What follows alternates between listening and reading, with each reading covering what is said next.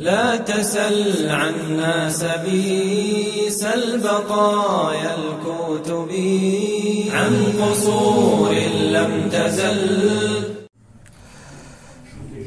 بسم الله إن الحمد لله نحمده ونستعينه ونستغفره ونعوذ بالله من شرور أنفسنا ومن سيئات أعمالنا. من يهده الله فلا مضل له ومن يضلل فلا هادي له. وأشهد أن لا إله إلا الله وحده لا شريك له وأشهد أن محمدا عبده ورسوله صلى الله عليه وعلى آله وأصحابه ومن تبعهم بإحسان إلى يوم الدين. أعوذ بالله من الشيطان الرجيم. يا أيها الذين آمنوا اتقوا الله حق تقاته ولا تموتن إلا وأنتم مسلمون. يا أيها الذين آمنوا اتقوا الله وقولوا قولا سديدا يصلح لكم أعمالكم ويغفر لكم ذنوبكم. ومن يطع الله ورسوله فقد فاز فوزا عظيما. أما بعد فإن خير الحديث كتاب الله وخير الهدي هدي محمد صلى الله عليه وسلم. وشر الأمور محدثاتها وكل محدثة بدع وكل بدعة دلالة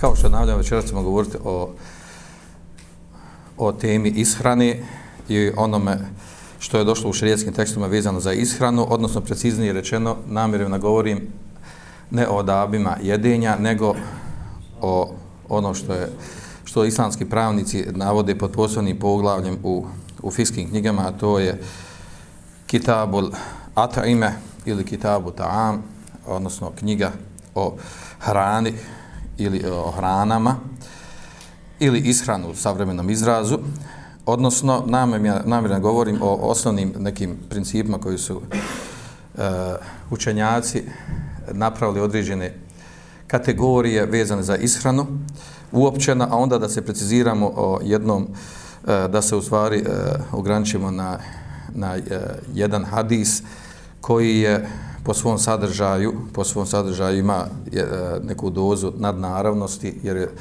jer je u njemu rečeno nešto što što je potvrdila i savremena medicina i što je i što je lijek i izlaz za mnoge probleme vezane za ishranu. A ujedno je li odmah da najavim da, da, da bude jedno nagradno pitanje vezano za večerašnju temu, a to je da li je, da li je E, dozvoljeno, odnosno da li je sporno šerijaski biti vegetarijanac. Pa poslije ko odgovor na to pitanje ispravno, išala da će dobiti nagradu od strane udruženja. Znači, govorimo o ishrani, odnosno to u arabskom jeziku vraća na riječ ta'am ili at'ime, što u arapskom stvari znači me'kul, ono što se jede, s tim da se uh, u nekim ajetima hadisma se navodi da je uh, riječ ta'am da znači i, i ono što se pije, odnosno voda.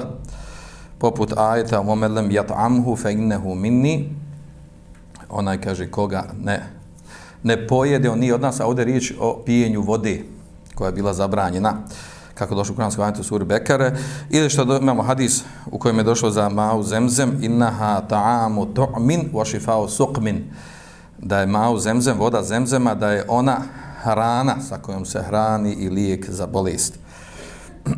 Gdje se navodi da u stvari riječ ta'am hrana se odnosi i na vodu. Što je eh, što eh, nije toliko bitno koliko je bitno da, da na početku samo spomenem da je osnova u hrani da je osnova u hrani eh, el hil wal ibaha kao što su naglasili mnogi islamski pravnici u fiskim knjigama tri mezheba malikijskog malikijskog, eh, hambelijskog i, i šafijskog, gdje su naglasili znači, da je eh, osnova u smislu jedenja, da je osnovni princip da je sve dozvoljeno, osim ono što imamo šerijaske argumente, da je zabranjeno. To, to je osnovna relacija opođenja prema hrani. Odnosno, eh, na to ukazuje kuranski ajet, jese lunake mada ohile lekum, pitaju vas šta je njima dozvoljeno Eh, pitaju narodno riječ, eh, u pitanju riječ o hrani. Kul uhille lekum tajibat. Reci, dozvoljava, mu se, dozvoljava vam se tajibat. E, tajibat, kao što kaže šeji Islam bin Temije, ovdje se ne misli tajibat, dozvoljava se ono što je halal, nego misli se po tajibat, znači ona što je ugodna i ukusna hrana, ugodna i ukusna hrana, ko, znači koja, koja nije štetna, suprotna, habais, suprotna e, uh, ogavnoj i odurnoj hrani. E, kao što je potvrđuje to uh, drugi kuranski ajet sura Al-A'raf wa yuhillu lahum at-tayyibat wa yuharrimu alayhim al-khaba'ith i dozvoljava im tayyibat uh, ugodnu i ukusnu hranu i zabranjuje im uh, uh, ogavnu i uh, ružnu hranu. Pa tako kaže, kao što kaže Šeji Islam Temije, znači ovdje taj ibad ne znači hrana koja je halal, nego ona koja je koja u sebi nema štetnosti. I to Šeji Islam Temije preciznije govori, kaže, kaže riječ je ovdje o tajibat u kuranskom ajtu, kada Allah šano kaže jel, da dozvoljava hranu koja je tajibat. Tajibat inače u, u, osno, u jezičkom značenju znači nešto što je, što je, što je dobro, što je lijepo, što je dobro. A kaže šest zname temije, kaže tajibat, ovdje u kuranskom ajetu, kaže tajibat eleti ebahal, ebahaha Eh, hije eh, meta'i munafijat lil uqul vel ahlak. Kaže to je eh, uh, tajibat, hrana dobra i ugodna hrana, kaže to je ona korisna hrana, kaže za, za mozak i za ahlak. Znači da hrana, znači navodi ovdje dvije karakteristike vrlo bitne. Znači da, da je uslov da hrana da bila taj ibad da je ona znači da je korisna za mozak znači za pamet i za ahlak za ponašanje Otko sad tu ponašanje ulazi hrana i ponašanje a kaže wal haba'ith hiya kaže daratu lil uqul wal ahlak. kaže uh, haba'is ogaona je ružna hrana kaže to ona što je štetna koja je štetna za uh, za pamet, za mozak i za ahlak. I ovdje je zanimljiva stvar da navodi ovdje u ovom kontekstu ahlak. A onda, znači, ovo je osnova. Osnova je da je sva hrana dozvoljena, hrana ugodna i korisna, da je sva dozvoljena, osim ono što imamo širijetske argumente da je nešto zabranjeno. Kako znamo šta je zabranjeno? Naslovo, naravno, ono što je došlo u kuranskim ajetima i hadisima vredostojnim. Pa su neki učenjaci napravili tu kategorije. Napravili su uh, kategorije ili neke pravila, principe uh, izuzetka od uh, dozvoljene hrane. Pa kažu prvi princip zabranjene hrane je to, kaže ma nasal kitabu ove sunete ala tehrimi. Ono što je došlo u Kur'anu i u sunetu da je zabranjeno jesti. Kaže poput uh, hinzira, mejteta, hamra, dema i tako dalje. Kaže poput svinskog mesa, strvine, alkohola, krvi. Ovdje se ubraja znači, dvije tekućine, alkohol i krv u hranu. Malo prije smo rekli da znači, u, u, u, u ajtu i u hadise tretira i ono što se pije da je hrana. Mada je to posebno poglavlje. Jel?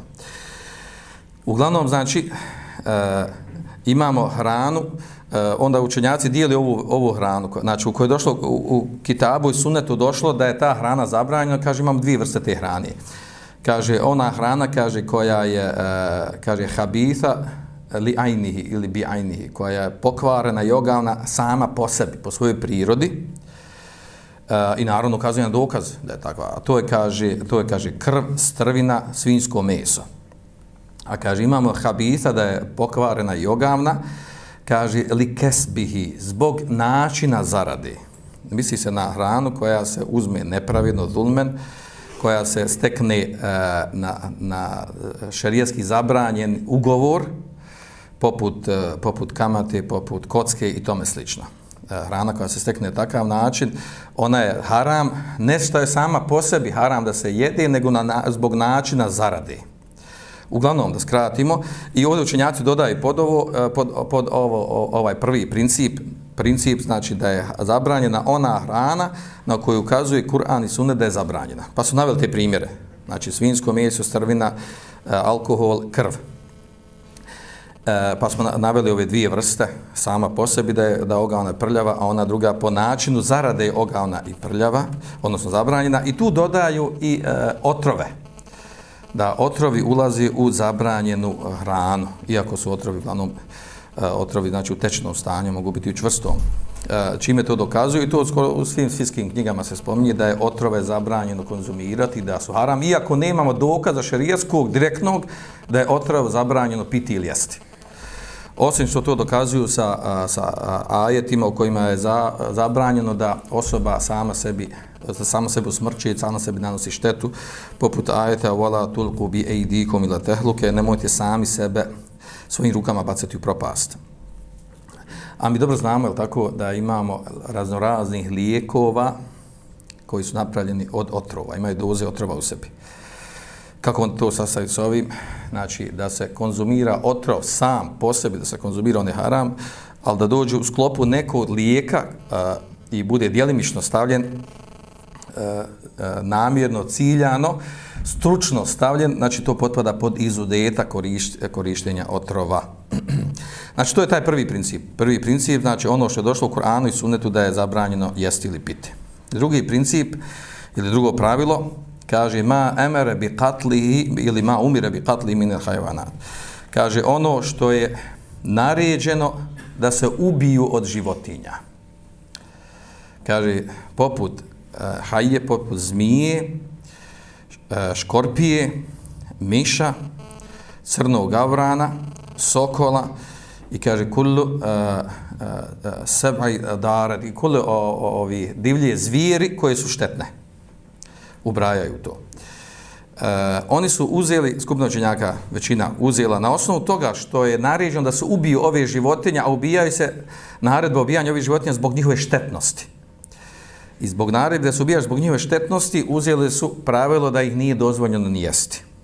E, ima manja, manja grupa učenjaka koji koji ovo pravilo ne, uz, ne uzimaju na ovakav način. Ka, kažu, nije ono što je naređeno da se ubija zbog štetnosti, da je automatski zabranjeno da se jede. Mada ispravni ovo je na čemu je većina učenjaka i to je opće prihvaćeno kod islamskih pravnika. Ovaj princip. Treće pravilo, kaže ma nuhijan katli, ono što je zabranjeno da se ubija od životinja. Kaže poput mrava, kao što je u hadisu vjerodostojno, poput mrava, pčeli, e, ptice pupavca, e, hudhuda i slični životinja. Ima, e, spominje u hadisu, došlo i da je zabranjeno ubijati žabu. E, kaže, ove životinje zabranjeno ubijati zbog određene mudrosti, da ne ulazim u to. A, ako je zabranjeno ubijati, onda nije dozvoljeno jesti. Zašto? Zašto? Zato da bi ih jeli, da bi ih jeli moramo i ubiti. Prema tome nije dozvoljeno ni jesti. I četvrto što navode, ovo, znači ovo su učenjaci nastojali da ono što došlo šarijatskim tekstovima da svedu pod neke principe i pravila. Kaže četvrti princip i pravilo kaže uh, mustahbethat, životinje koje su ogavne i odurne. Kaže hije leti testahbithuha nufusu wa tenferu minha. Kaže to su e, životinje, kaže či, uh, uh, ogavne životinje čije, uh, koje je duša i priroda ljudska uh, uh, uh, znači gadi se ljudskoj prirodi i duši te životinje i uh, toliko su ograne da, da ljudi bježe od njih, da, da ne mogu zamisliti da ih, jede, da, da ih jedu, da ih konzumiraju. Uh, zato što došlo, naravno, ovdje je dokaz ono što došlo u Kur'anskom majetu, vaherumu عَلَيْهِمْ habajt, i zabranjuje im habajt, uh, e, ogavni odurne životinje.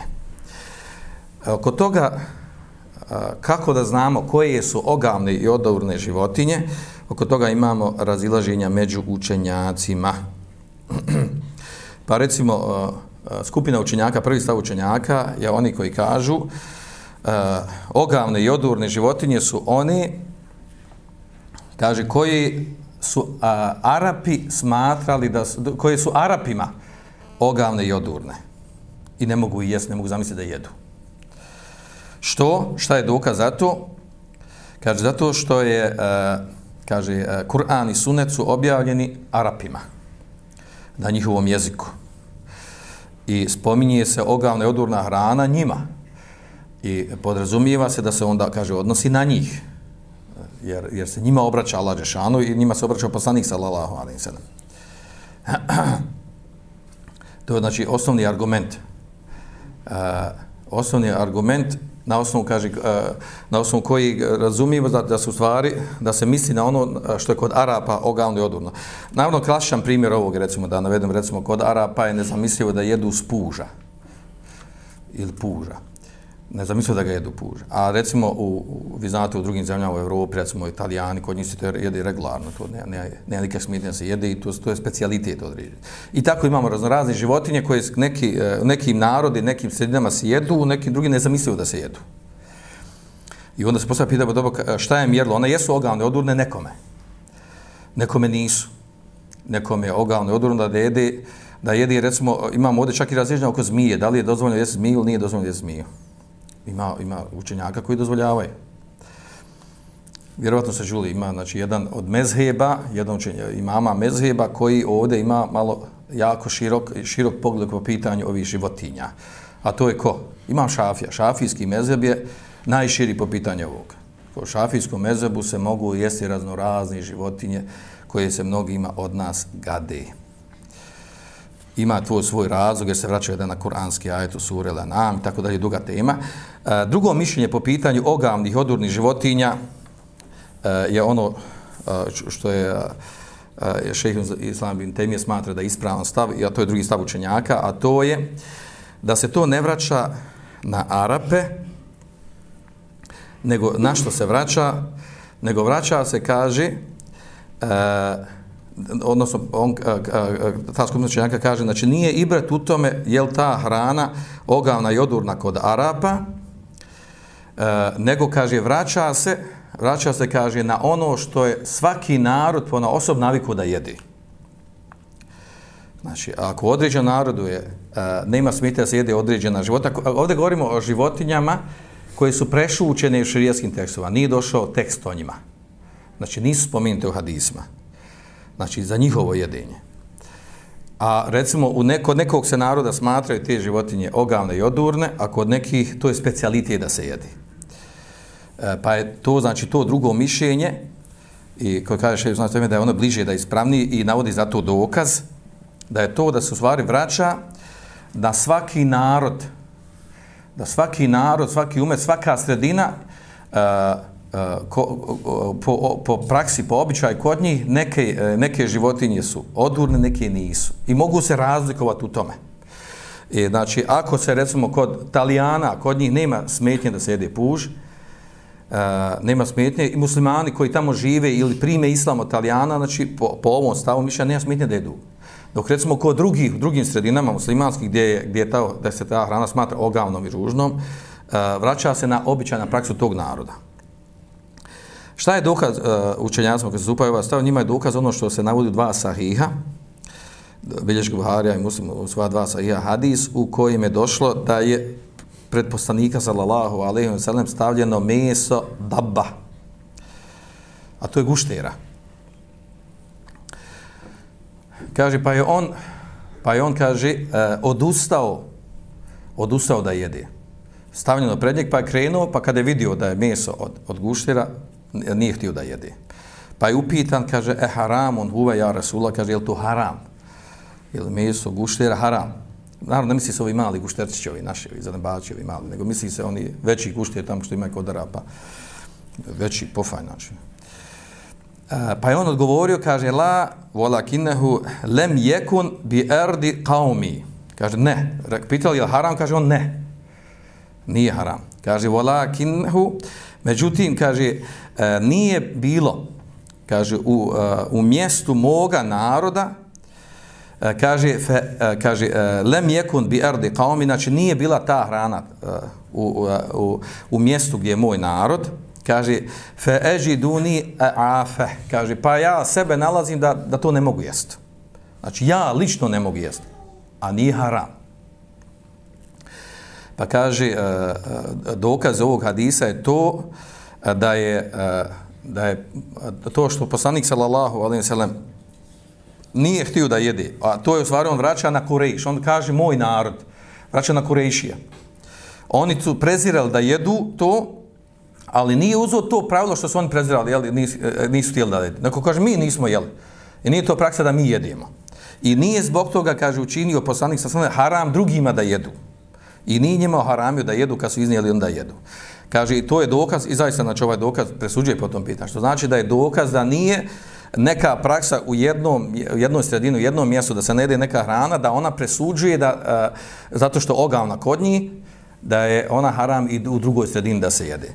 Znači, opet napominjem, ovdje govorimo o hrani koja nije, e, e, čija dozvala ili zabrana nije precizno pojašnjena u šerijaskim tekstovima.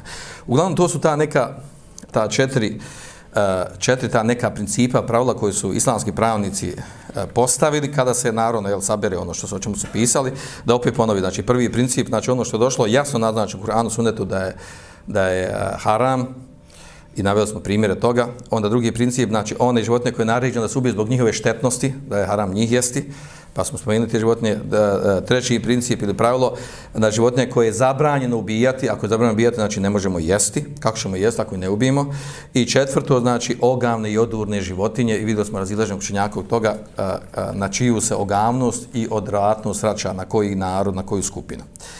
A naravno onda, onda unutar ovoga, znači imamo tu detalja koliko hoćete mesela, recimo uzmite ono osnovno, znači došlo je u vjerodostojim, došlo je u jajetima, hadisima da je dozvoljena, da je, da je dozvoljena riba u mor. I oko toga složili se učenjaci. Ali se učenjaci razilaze oko ostalih životinja koje živi u mor. Da li su dozvoljene, nisu dozvoljene. Pa imamo džumhur učenjaka, nasprama Hanefije. Hanefije zabranjuju sve osim ribe. I kažu, uh, životinje mimo ribe u moru, kaže, one životinje koje su slične kopnemnim životinjama koje su haram, haram su i u moru. One koji nisu, one su dozvoljene. Da ne uzimo detalje toga. Dok Džumhur Učenjaka kaže, uzmaj to na osnovu, a, na osnovu vjerodosnovne hadisa, el hillu mejtetuhu, vjerodosnovne hadisa da je dozvoljeno uginula životinja morska, kaže sve životinje koje žive u moru su halal. Sve su halal. Bez obzira imale zube, ne imale zube, bili imale otrov, nemale imale ovako, onako.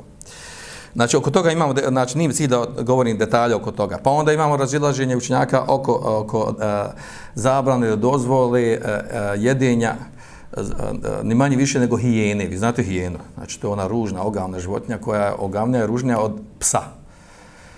Međutim, došlo u hadisu da je poslanik sallallahu alaihi sallam ohalalio. Da li je to sad izuzetak od životinje koja ima očnjake ili nije izuzetak, od toga imamo određeno zilaženje.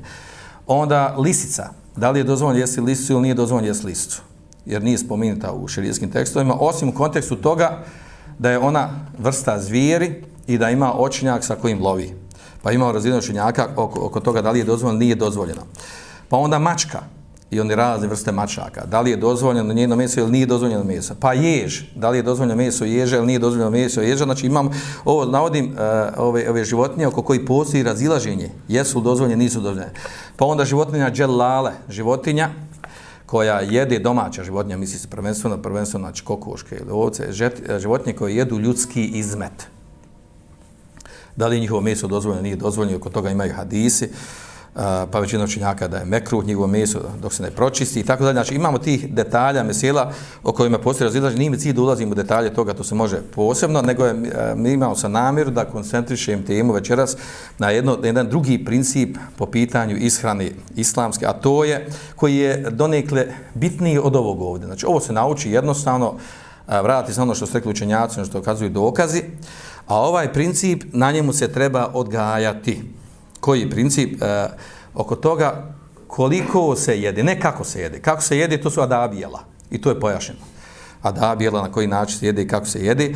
A koliko se hrane jede, koliko je štetno, koliko nije štetno, taj princip e, kada bi ljudi primijeli onako kako došlo u hadisu, e, time bi e, postigli jednu, jednu veliku ravnotežu u svome životu po pitanju ishrani bilo bi rješenje za raznorazne ove ovi uh, komercijalni trgovački dijeta koji se s vremena na vrijeme ispliva na površinu. Odnosno, riječ je o hadisu koji je uh, inače ubrojao Ibn Ređeb je ubacio među onih 50 hadisa, dodao na 42 nevevija hadisa, oni osnovni hadisa, u on, onoj poznatoj knjizi 40 nevevija hadisa, u kojoj stvari ima 42 hadisa, pa je dodao Ibn Ređeb još 8 hadisa koji, su, koji uh, obuhvataju uh, čitav islam. Među njima je uvrstio i ovaj hadis kao 47. hadis od uh, Miqdad ibn uh, Madi Jekriba. Od toga sabara radijallahu anhu se prenosi, kaže, e, čuo sam Allahu poslanika sallallahu alaihi ve sellem rekao: "Ma mele ademijun vi'a'en sharran min batnin." Kaže, nije napunio uh, Ademijun, znači čovjek, sin Ademov, nije čovjek napunio uh, posudu, štetniju sa većim zlom od stomaka. Bi hasbi imrin ad, bi hasbi ibn Adem ekelatu nuqimne sulbehu. Dovoljno je sinu Ademovom zalogaja koje održavaju, e, drže uspravni njegovu kičmu. ili lukajmatun u, u rivajetu zalogaja koji održe, drže, ispra, e, drže uspravni njegovu kičmu. Fe in kane lame hale. Ako baš mora da se najedi, u smislu u kontekstu ono, oni koji ima potrebna fizička snaga, koji, koji fizički rade poslove, pa moraju da imaju energiju, kaže fe thuluthun li ta'amihi wa thuluthun li sharabi wa sulusun li, nef, li nefesihi. Pa kaže onda, kaže trećinu eh, stomaka, znači podijeli jednu trećinu za hranu, jednu trećinu za piće, jednu trećinu za vazduh. Da ostane jednu trećinu za vazduh. Hadis inače bilježi Tirmizi Nesaj ibn Mađe, imam Ahmed, hadis e, Tirmizi ga dobrim, odnosno ispravno da je po većini hadisa hadis vjerodostojan i ispravno da je hadis vjerodostojan. Hadis govori jednoj velikoj krupnoj stvari. Ovaj, ovaj hadis je zaista uh, je jedan od hadisa koji su imaju svoj uh, nadnaravnost u sebi, u svom značenju poimanja. Uh, u onom što je došlo u ovom hadisu. Da opet ponovi, znači hadis govori o tome da, da čovjek ne napuni posudu uh, uh, u kojoj ima više zla od svoga stomaka.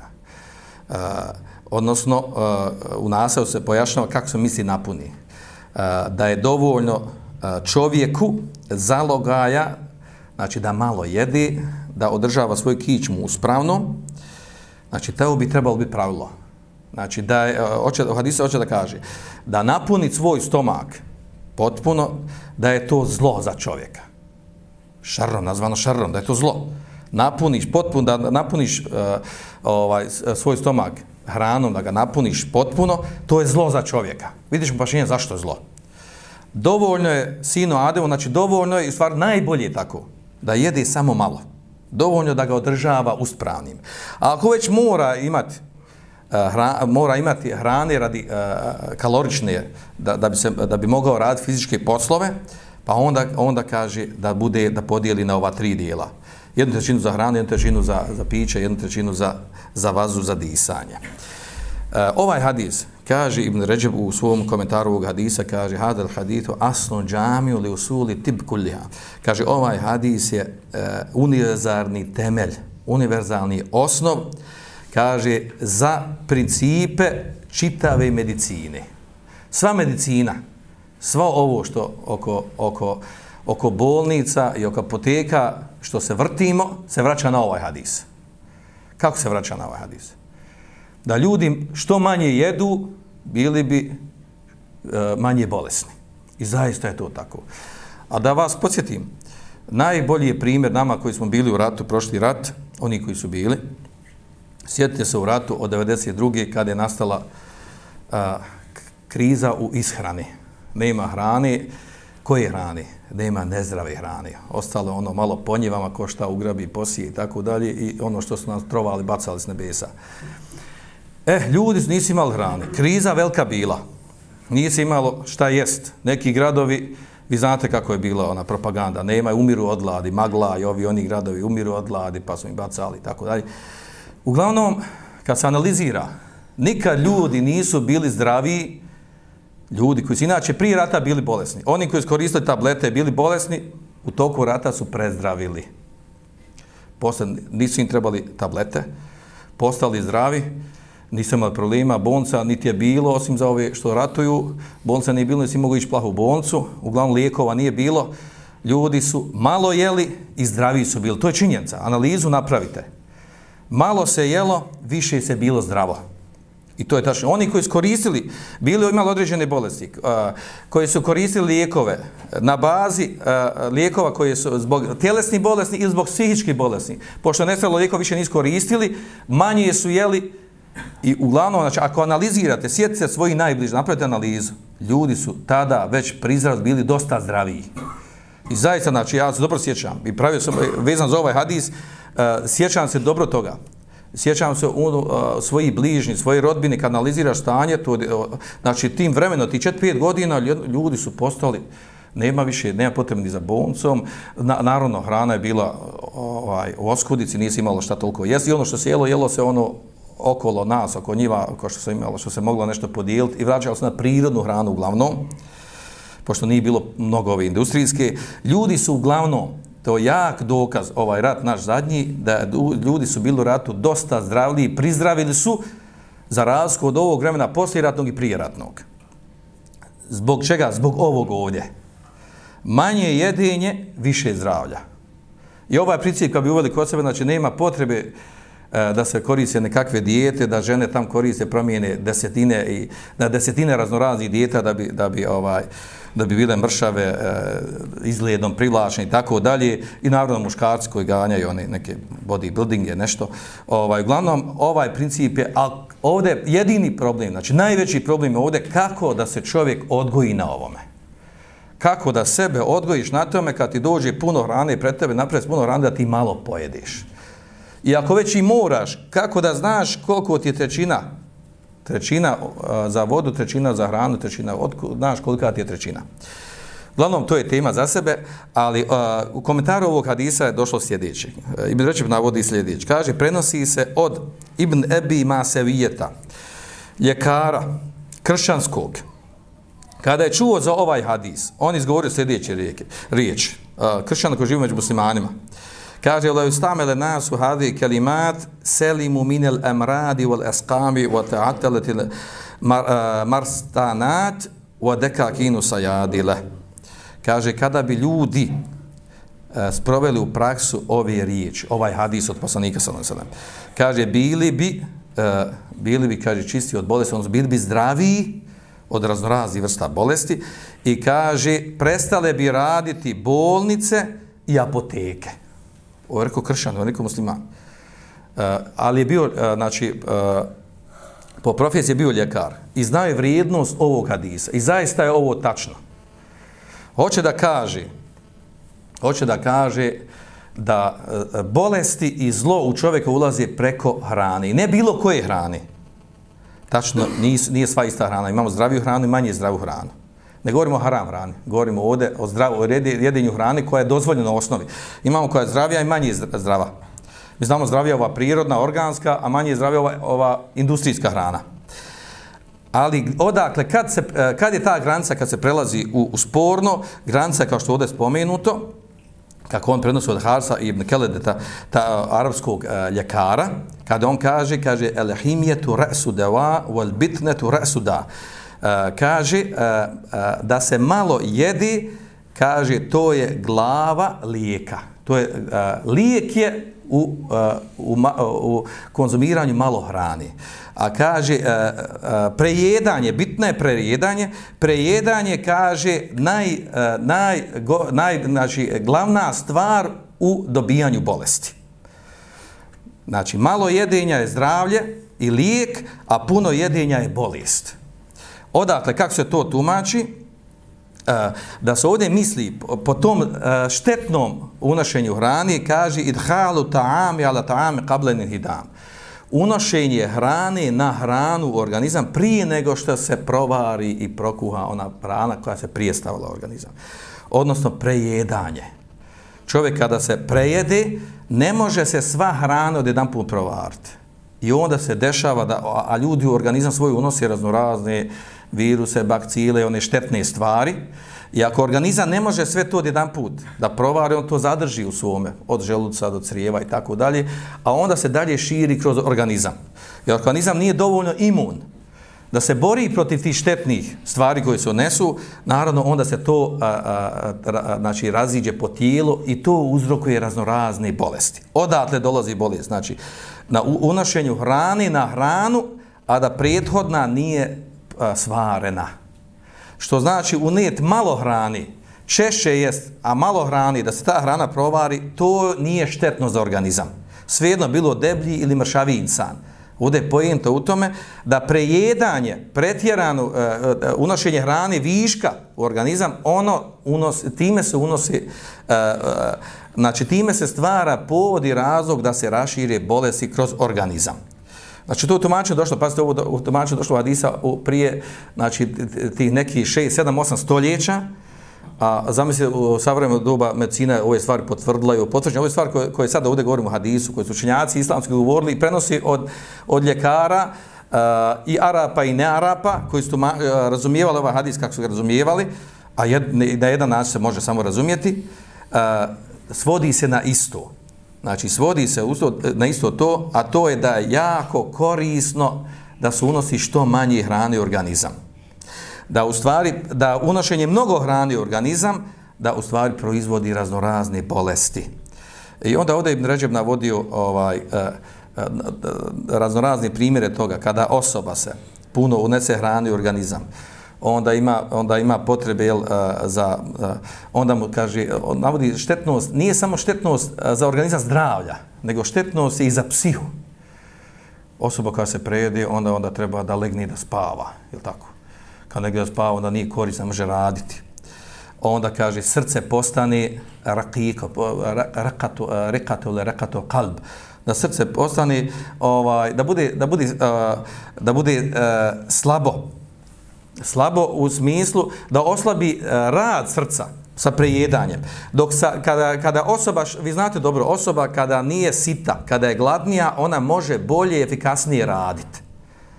E, što? Zato što organizam, organizam može se posvetiti, može se koncentrisati na onu stvar što treba raditi. Dok kada se prejedi, e, uh, pojenta ovdje pojašnjenja o savremenu, da ubacimo ovdje savremeno pojašnjenje. Šta je pojenta u prejedanju i u manjem jedenju? Kad se, e, kad se čovjek prejedi, e, organizam ima potrebu da većinu energije koju ima u svome tijelu, da organizam preusmjeri na to da se provari mnoštvo te hrane koje nas je organizam. Recimo, ako u organizmu imamo 100% neku energiju, 70-80% energije ide na to da se, hvari, da se vari hrana. Ono ostalo 20% si pusti da sloboda može raditi druge aktivnosti. To kad se prejedeš. Kad se ne prejedeš, kad doneseš hrane jako malo, onda za organizam ne treba 10-20% energije, od ukupne energije tijela da provari tu hranu, a ono ostalo ti je slobodno za tvoje druge aktivnosti. S te strane se vidi efikasnost o savremenom tumačenju medicinskom. S te strane se vidi efikasnost, korisnost jedenja malo hrane. E, da se manje jede, a češće, nego da se, odjeda, da se jednom najedeš, ali da se prejedeš. I on je navodio ovdje, navodio te mnoštvo tih primjera i režem da ih navodim ovdje vezano, zato ne ulazimo u detalje. Uh, nas ovdje interesi uh, uh, ono što se razumije iz ovog, iz ovog hadisa kao nekakvi kao neki propisi. Navešamo neke primjere od nekih učenjaka koji su govorili sa te strane koji su govorili jel, da prejedanje jel, dodi u san, da prejedanje vodi u grijeh, da prouzroke prejedanje puno hrane vodi u grijeh i tako dalje, da, da osoba slabije razumije, uh, slabije ima volju da radi, da bude korisnija kad se više prejeda i tako dalje i suprotno tome. Eh, da, da prejedanje u stvari eh, stvara, stvara tvrdoću, kruh, eh, tvr, pardon, tvrdoću srca, da malo kad se jede čovječje srce postane efikasnije, bogobojaznije i tako dalje. Govorili su o tim stvarima i navodu su primjere od Selefa ovog umeta, od Hasana el Basrija, od Ibrahima i Edhema i tako dalje, Selima Tim Saida, u sve u tom kontekstu, u kontekstu koristi manjeg jedenja i štetnosti prejedanja da ne navodim te primjere, da, da se ne izgubimo u tome. Uh, imam Šafija kaže, kaže, ma šebi'atu mundu, e, sita ašarete sene illa e, šu'beten itarahtuha lijene šiba yuskilu l-beden wa zilu fitne wa yajlibu neum wa jad'ufu sahibehu anil ibade. Kaže, nisam se zasitio prilikom jedenja 16 godina. Kaže, osim, osim jednom, jel? 16 godina se nisam uh, zasitio, da se znaju tako da se zasitio. Znači, jedu samo malo. Jeo je samo malo. Zašto, kaže? On objašnja zašto tako se ponaša. Naravno, radi u skladu ovog hadisa. Uh, ovdje naš govorimo jedna vrlo bitna stvar. Nije dovoljno samo čujemo nekad hadise, kaže mašala hadis pravo, dobar je, kako je, kako je sunet mašala, uh, eh, govori o istinitosti ove vjeri na darovnosti i tako dalje, onda živimo svoj život sa, na način kako živimo i prepustimo svojim strastima i tako dalje. Trebamo nastojati kao, kao Imam Ahmed što je radio. Imam Ahmed je znači radio po ovom hadisu. Znači kada, kada god koji hadis sazna, odi da ga spremini u praksu. Čak hadis o trgovini, kada neki hadis o trgovini sazna ga i prenosi ga zabilježi, odi i izvrši trgovinu koji ima veze sa tim hadisom da bi ga bolje zapamtio taj hadis. Više ga ne zaboravlja. Znači do te mjere išao da primijeni hadisu u praksi. A tako bi mi trebali. Kada god hadis čujemo, opođen prema muslimanima, trgovina, eh, hrana, bilo šta drugo, znači šta god saznamo da to nastavimo od nas provesti u praksu a ne da, da sabirimo mnoštvo informacija, imamo ko sebe, a u praksi jel, živimo nekim drugim životom. Kaže, imam, imam šafija, zašto, zašto je ovako se ponašao? Da 16 godina se nije zasitio prilikom jedinja. Kaže, zašto? Kaže, zato što sitost, kaže, otežava jutkilu beden, otežava tijelo, otežava pokretljivost tijela. Kaže, vojuzilu uh, fitne, kaže, i otlanja inteligenciju, oštroumnost kaže o ježlibu neom i traži da čovjek spava puno. Kaže o judefu sahiban i i kaže oslabi čovjeka od činjenja ibadeta. Oko toga nema sumnje. Čovjek koji pred spavanje se najede dobro, nema šansi da on može ustati i da klanja kijamu lijel. Što? Povolja za, za valce, pust stomak da prevari, da čitav nož da vari, da vari ono što sunio u stomak. Čovjek koji e, legne e, gladan ili polugladan, može ustati na večer tijelo mu je slobodno, ima energije, može ustati, može činiti badet. Znači, do te mjere da, znači, da hrana i jedinje utječe i na to da možeš klanjati koliko možeš klanjati od ibade, od na file, e, znači koliko možeš više klanjati ili manje klanjati, ima veze i sitost e, i za na filu. A on ovdje navodi i za, za znači, prvenstveno se ovdje odnosi na kijamu lejel.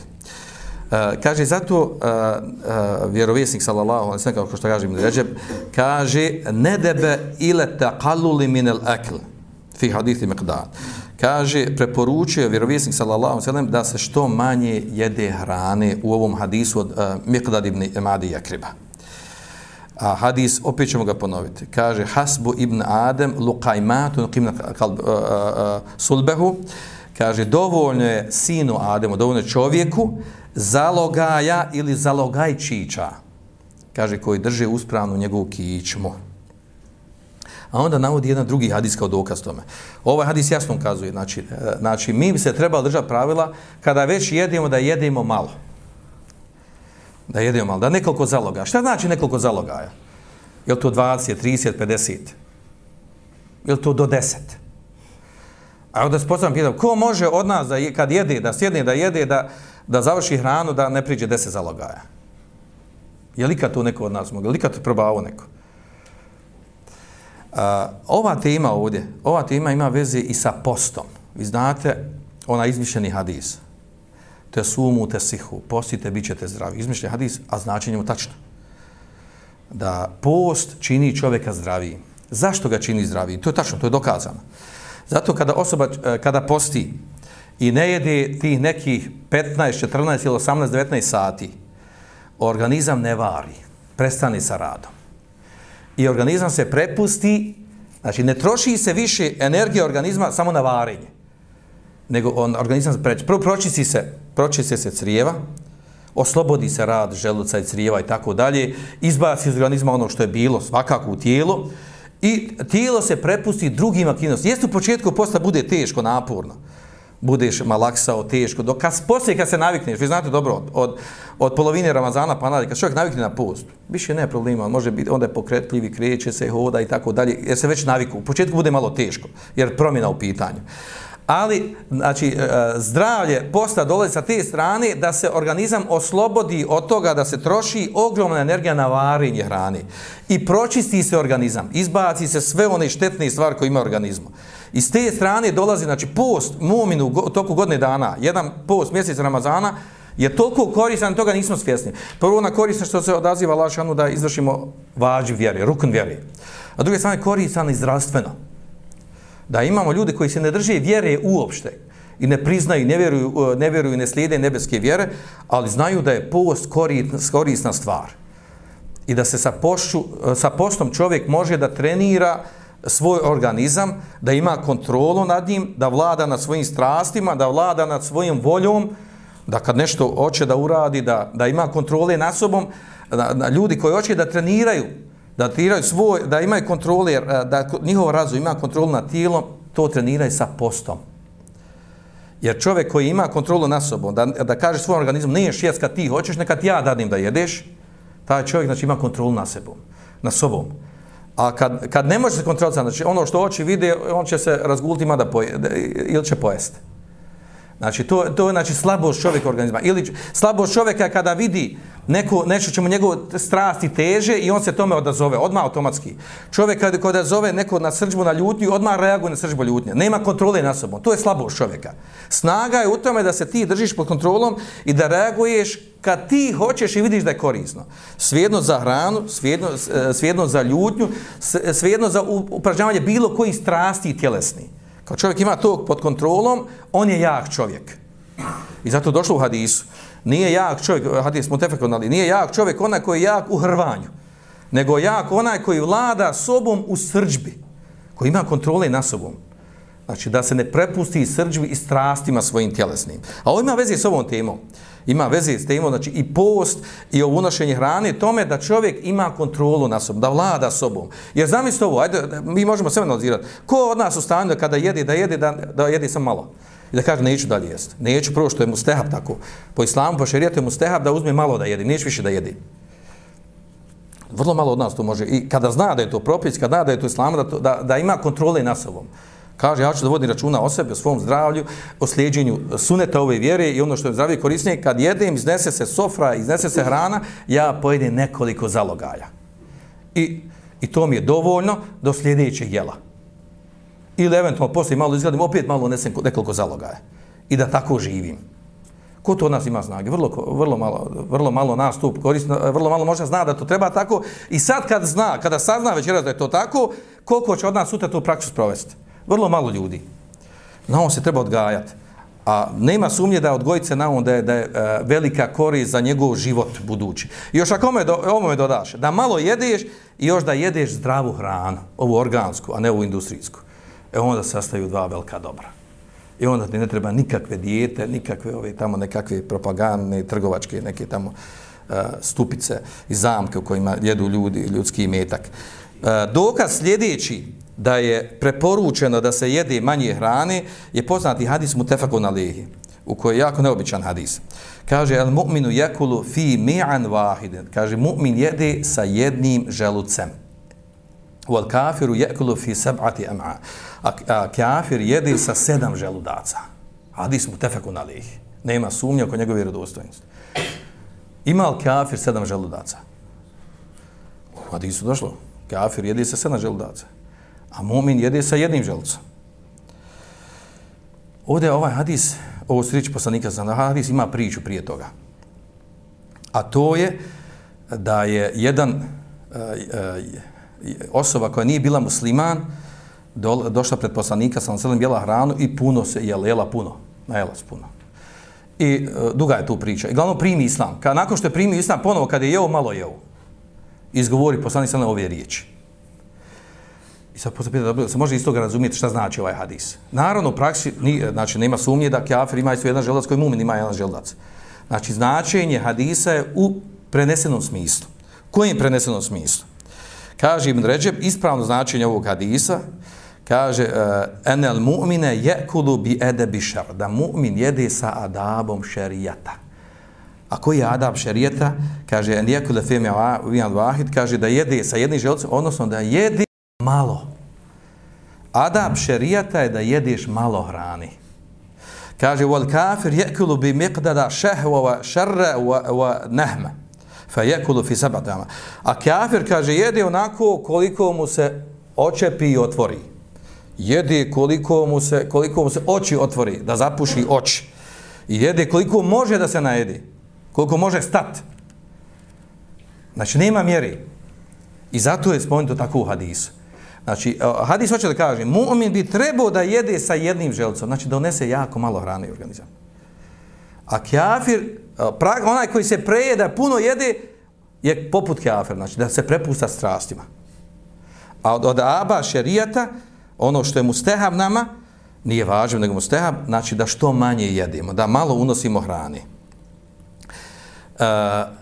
također u drugim hadisima je došlo, Uh, I to ukazuje baš na ovu preporučenu da se manje jede. Uh, poznati hadis bilježi ga muslim svom sahiju, kaže tamo vahidi vahidi jekvedisni. Kaže, uh, hrana koja se uzme za jednu osobu, dovoljna je dvijema osobama. Tamo od isnini jekvi se laže. Uh, hrana za dvije osobe dovoljna je trojici. Može biti trojici. Kaže, u tamu salate je kverbea. Kaže, hrana za trojicu dovoljna može biti četvorci. Šta hoće da ovo da kaže? Znači, manje jedi. Ono što ti sebi ocinu da je za tebe, podijeli s nekih drugih. Bolje ti je podijeli nego da ti strpaš u sebe. Znači, bolje ti je manje, što manje jedi. Od ono što misliš da je za tebe, za jednu osobu, eh, pojete dvije osobe. Eh, pojenta je ovdje da ovi hadisi ukazuju da, da trebamo nastojati da što manje jedimo. I da je to najbolja dijeta. Znači, najbolja dijeta i širijaski ispravna dijeta je ova. Vi znate razonazije dijete koji imaju savremeni. Pogotovo to, to žene znaju hanume. E, najbolja dijeta je ova šerijatska. Znači, malo jedi, bit ćeš zdraviji, nećeš se udebljati, nećeš biti bolestan i, i slijedit ćeš princip i pravilo šerijata. Ovo, je, ovo su šerijatski adabi, kako kaže mi Ređep.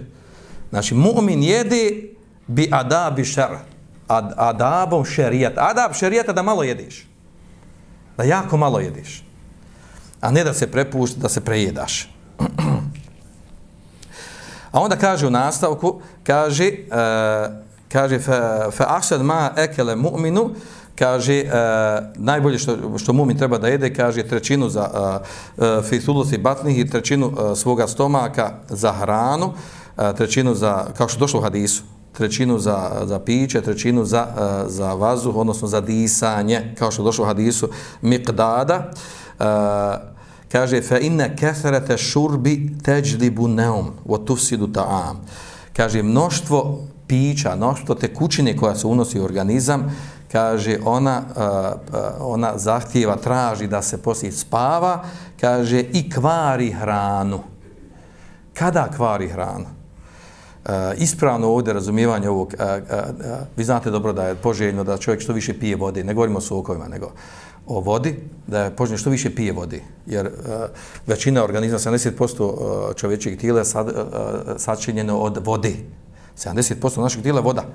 I najviše nam treba vode da unosimo. Minimum na dan uh, odrast osoba treba unosi oko 2 litre vode, kako to kažu ovi tamo, jel, što pričaju o tom zdravom pijenju, jedenju. Uh, uh, u kontekstu ovog ovdje što je došlo, što spominje Inder Ređeb, uh, uh, i e, to u, u praksi podvrđeno.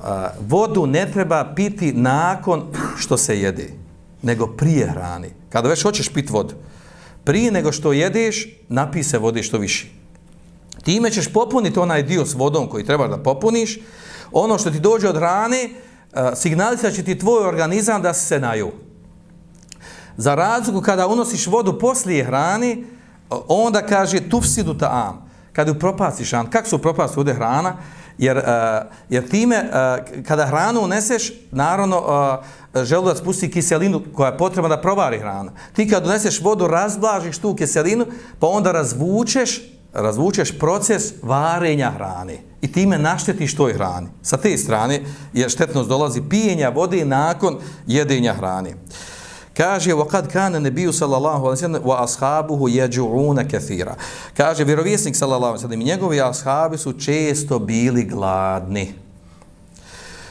وَيَتَقَلَّلُونَ min akli شَهَوَاتِ Kaže, umanjivali su da udovljavaju svojim strastima za glad.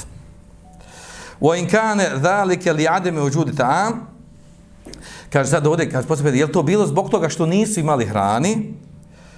Ja često nisu imali rani. Za poslanika sam sam potvrđen da da iše radi Allah anha, kao što ona kaže. Kaže, ma šebija alu Muhammedin, kaže, nije se zasvitila porodca Muhameda, mudu kadim na Medinete, kaže, otkako su došli iz, otkako su došli u Medinu, nisu se zasvitili, da se najedu pravu. Kaže, min hubzi burin felate teleani. Kaže, da se najedu uh, hljeba od pšenice, tri noći, tiban, zaredom, tri noći da se najedu pšenici kaže hata kubida sve dok nije preselio Allahu poslanik sallallahu alaihi ve sellem hadis mustafakun alaihi od Aisha radijallahu anha. E, odnosno e, ibn Rajab bude pojašnjava e, to što poslanik sallallahu alaihi ve sellem često bio gladan on i njegova njegove hanume, njegova porodca. I as, to je bilo stanje ashaba. Kaže, to nije ni zbog čeg drugog. Kaže, inna, in, illa enne Allahe la jehtaru li rasulihi illa ekmela ahvalu afdalija. To nije zbog toga, osim kaže zbog toga, što Allah Želešanu izabire svome vjerovjesniku kaže, najbolje stanje koje je najpoželjnije za njega. Koje je najpoželjnije stanje? Da manje jede. Da više bude gladan nego sit. I to je zdravije i korisnije za njega. Kaže, u alihada kane ibn Omer je tešebehu bihim fi dalik. I zbog toga, kaže Abdullah ibn Omer, kaže, oponašao, oponašao njih, oponašao poslanike za druge ashabe u tome. U čemu? U jedenju malo hrane. Ma kudretih ala tam. Iako je imao da jede, imao je hrane. Nije bilo, nije bilo znači, pitanju oskudica i nemašina. U okedalike kane ebuhu min kab. A tako kaže njegov otac od Omer radijallahu anhu. Znači, malo su jeli. I to su naučili od poslanika, sallallahu alaihi sallam. I to im je bila praksa. Ja molim Allah želno da, da i mi budemo od onih koji, koji će ponašati najbolje ovog umeta u tome da što manje jedimo. Kaže, an Umar, enahu hatabe, fe zakare ma asabe nasa mine dunja. Kaže, Omer odjelno je držao hudbu. I spomenuo, kaže, ono što, su, što je ljude zadeslo od dunjaluka, da su postali bogati. Fe kale, lekad re'itu Rasulallahi sallallahu alaihi sallam, eh, je dhallu lijom, jeltevi ma jeđedu dekalen jemlau bihi batnehu. Hadis bilježi muslima svojom sahiju. Kaže vidio sam Allahov poslanika sam se ovo govori o stanju kada su kada su za vrijeme Omara radijallahu anhu kada su bila ona islamska osvajanja pa su muslimani postali bogati. Zadesio dunjaluk. A dunjaluk za dunjaluk je muslima, muslimane za muslimane dunjaluk uvijek bio problem. Kad im dođe dunjaluk posvađaju se. Kako došlo te, kako došlo u tekstu hadisa? Kaže poslanik u redu u redu sam hadisu na lije. ma ahša alejkumul faqr ja se ne bojim za vas siromaštva Inema ahša alekumu dunja. Ja se bojim za vas dunjaluka. Kako se bojim za dunjaluka? Pa kaže, kada vam dođe dunjaluk, te te nafesune, vi ćete se međusobno natjecati u tome. Ko će više da stekne? Bolje auto, bolja kuća, bolje ovo, bolje ono, samo više, bolje, više, bolje. Može. Što god da dobiješ, ima bolje od toga. Treba se natjecati za to. To je poznato pravilo. I, du, e, i čovjeku, čovjeku prokletost ne može zapuštiti ništa drugo osim šta? Po tekstu šta? Prašina usta i oči, ne može zapuštiti prašinu da mu staviš. Jer čovjek je takav proklet po prirodi. To po tekstu hadisa. Čovjek uvijek teže više. A, a o ovom hadisu mu tefkan da li je došla. Znači, kaže posle, ne bojim se za vas siromaštva. Siromaštva vam donese hajra. Ali bogatstvo, odnosno dunjaluk vam donosi problem. Jer se natječete zbog dunjalka, a onda šta? Kaže, posvađate se, tetekate lun i kaže, ratujete jedni protiv drugi. Borite se jedni protiv drugi zbog dunjalka. I to je činjenica. To je bilo umetu činjenica, se kanalizirao sve stanja, sve, sve narode, sve vlasti, sve vladavne koje su bile do dana danas, vidjeli bi da uvijek Dunjalog bio problem propasti muslimana. Što u bitkama, što van bitki. I to je činjenica. A kaže ovdje Omer radijallahu anhu, pazite, Omer radijallahu anhu, kada su e, muslimani počeli da osvajaju i Irak, Eh, Irak, odnosno počeli od eh, Perzijsku državu da načinju, da je uzimaju, da je osvajaju, i eh, Irak i Palestinu, Šam današnji, kad su muslimani počeli da osvajaju i kad je Omer Radijan vidio da su muslimani postali bogati, nakon siromašta. obustavio je, kaže, nema više džihada, nema više borbi. Pa što Omer Radijan, dvije godine zaustavio, nema, kaže, više borbi, nema više džihada. Što? Kaže, bojim se, kaže, fitne dunjaluka za vas. I zašto je upravo bio? I nije nastavio džihad dok nisu Perzijanci ponovo napali ashabe u Iraku ponovo htjeli da vrate ona mjesta, pa je ponovo naredio džihad i krenuli su dalje i zauzeli čitav Perziju. Zašto je to Omer radio? Zbog Dunjalka. Ovo govori stvar koliko je Omer radio bio vidovit. Koliko je znao šta je problem muslimana. Znao na osnovu, na osnovu ono što je naučio od poslanika sallallahu alejhi ve sellem da je Dunjalk za muslimana uvijek bio musibet. I zato kaže u ovom hadisu, kaže, vidio sam Allahu poslanika sallallahu alejhi ve sellem kaže, kaže, prolazio bi dan, čitav dan bi bio, kaže, on ne bi, e, ne bi imao čime, da napuni svoj stomak. Znači, ima, ne bi imao hrane. A ako on nije imao, što znači nisu imali njegove žene? Što nisu imali njegove žene, što znači saborala su na tem. Razumijeli su tu stvar. Razumijeli su od Allahu poslanika, sallallahu alaihi wa sallam, da tako di treba živjeti. Da to nije problem. I zato ima onaj poznati hadis vjerodostan u kojem je došlo u značenju hadisa da onaj čovjek koji osvane, šta? Kaže, onaj čovjek koji osvane i ima, kaže, dovoljno hrane za taj dan.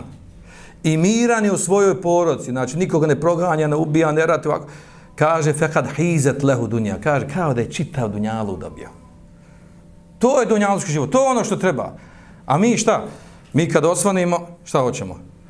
Ne da imamo mi za čitav život, da imamo već penziju uraču, nego hoćemo da i djeca da imaju. Ne da imaju, nego da imaju sprat u kojem kad mi umre da onda živi poslije nas. Djeca, i da imaju šta da jede, da imaju čega da se živi, sigurnost, razmišljamo o njemu da nikad u životu ne bude rata. A, ni, a znači, neratovanje nije stanje uvijek hajra. Ima, ima u ratu hajra. U, u raznoraznim situacijama mi to znamo najbolje. Rat koji je musibet zna biti veliki hajr za muslimane, pogotovo kada i probudi i vrate se vjere. Dokaz e, za ovu temu koju govorim također onaj poznati hadis mutefakun na lehi u kojoj kaže poslanik sallallahu alaihi sallam od Imran ibn Husayna kaže hajrul koruni karni thume ladine dunu thume ladine jelunehom kaže najbolja generacija je moja generacija. Ashabi znači. Zatim oni posljednji zatim oni posljednji kaže thume je ti kaumun ješhedune vola istešhedune znači će doći kaže ljudi koji će svjedočiti a neće biti traženi od njih da svjedoči. Znači svjedočenje sumnjivo i sporno iz nekih interesa. Kaže, vojen zurune vola jufun, i kaže, zakli, zavjetovat će se, zaklinjati se lahom, a neće ispunjavati zavjete. I na kraju hadisa kaže, wa yazharu fihimu simen. I kaže, pojavit se kod njih, šta? Gojaznost. Debeli stomaci, debeljuce. Kad se to pojavi, znači to znakova predznaka sudnjih dana. Znači su umetu pojaviti debeljuce. I ovaj hadis, a u stvari ovaj, ovo nije spomenuto u pozitivnom kontekstu, nego u negativnom kontekstu. Spomenuto u negativnom kontekstu. Naravno, ovdje ne mislimo, uh, pazi, ne da neko pogrešno shvati, da neko kaže, ono, imaš malo stomača i odmah nabiješ sebi neku šubhu i nešto. Ne misli se to. Ne misli, nije u pitanju ljudi stomačić, jer to je sad moderno, moderni problem je ovo sad, da li imaš ravan stomak ili imaš veći stomak. Prije nije bio problem uopšte u stomak. Znači problem da bude malo veći stomak. Prave, a, poželjne žene su one bi koje su bili, imale malo stomaka, a ne koje nimaju nikako ravan stomak. To je sad nešto moderno. Ovi uh, ovi, ovi sad izgled lijepe tijela i tako dalje, to je novih datuma. To je sve izmišljotno. Znači, ljudi nisu vodili toliko računa o tome koliko mu je stomačić ili stomak, nego koliko je osoba funkcionalna i efikasna koliko je korisna i naravno primjenjuje se ovo. Čovjek može imati da primjenjuje ovo, da manje jede, a može imati stomačić ili stomak. Znači nije ovo kontradiktorno, tako da ne patimo da je to mjerilo koliki nam je stomak, da li radimo po ovom sunetu ovdje kako došlo u ovom hadisu, odnosno da li ispunjavamo ovaj princip ishrane ove najbolje dijete koja je poljašljena u sunetu poslanika sa lancanem. A naravno, jel, ako bi neko tražio da sebi opravda zašto ima, zašto je malo deblji ili ima stomak, naći to i kod nekih ashaba, je tako? Poput koga? Imamo dvojicu ashaba koji su koji su bili malo sa stomacima. Alija radi Allahanu koji je bio veliki mužahid, veliki borac, nepobjediv u dvobojima, imao je stomačinu. Također Muavija radi Allahanu imao je stomačinu. Tako prenesu od njih, da su bili takvog izgleda. Ali to i nije našetlo da budu ono što jesu. Tako da nije ibret u stomaku, da se ne patimo oko stomaka, nego ibret u ovom da se primijeni ovdje kako došlo što je od suneta ove vjeri načina isrene. Molim Allah Đešan da poveća fiku vjeru, da nas učini bogovajazni i da nas uvede u svoj džennet tvrdeus kao što nas je okupio večeras ovdje. Svanak Allahum edo bihamtika šadu da ne testa kvrkove tu bulik.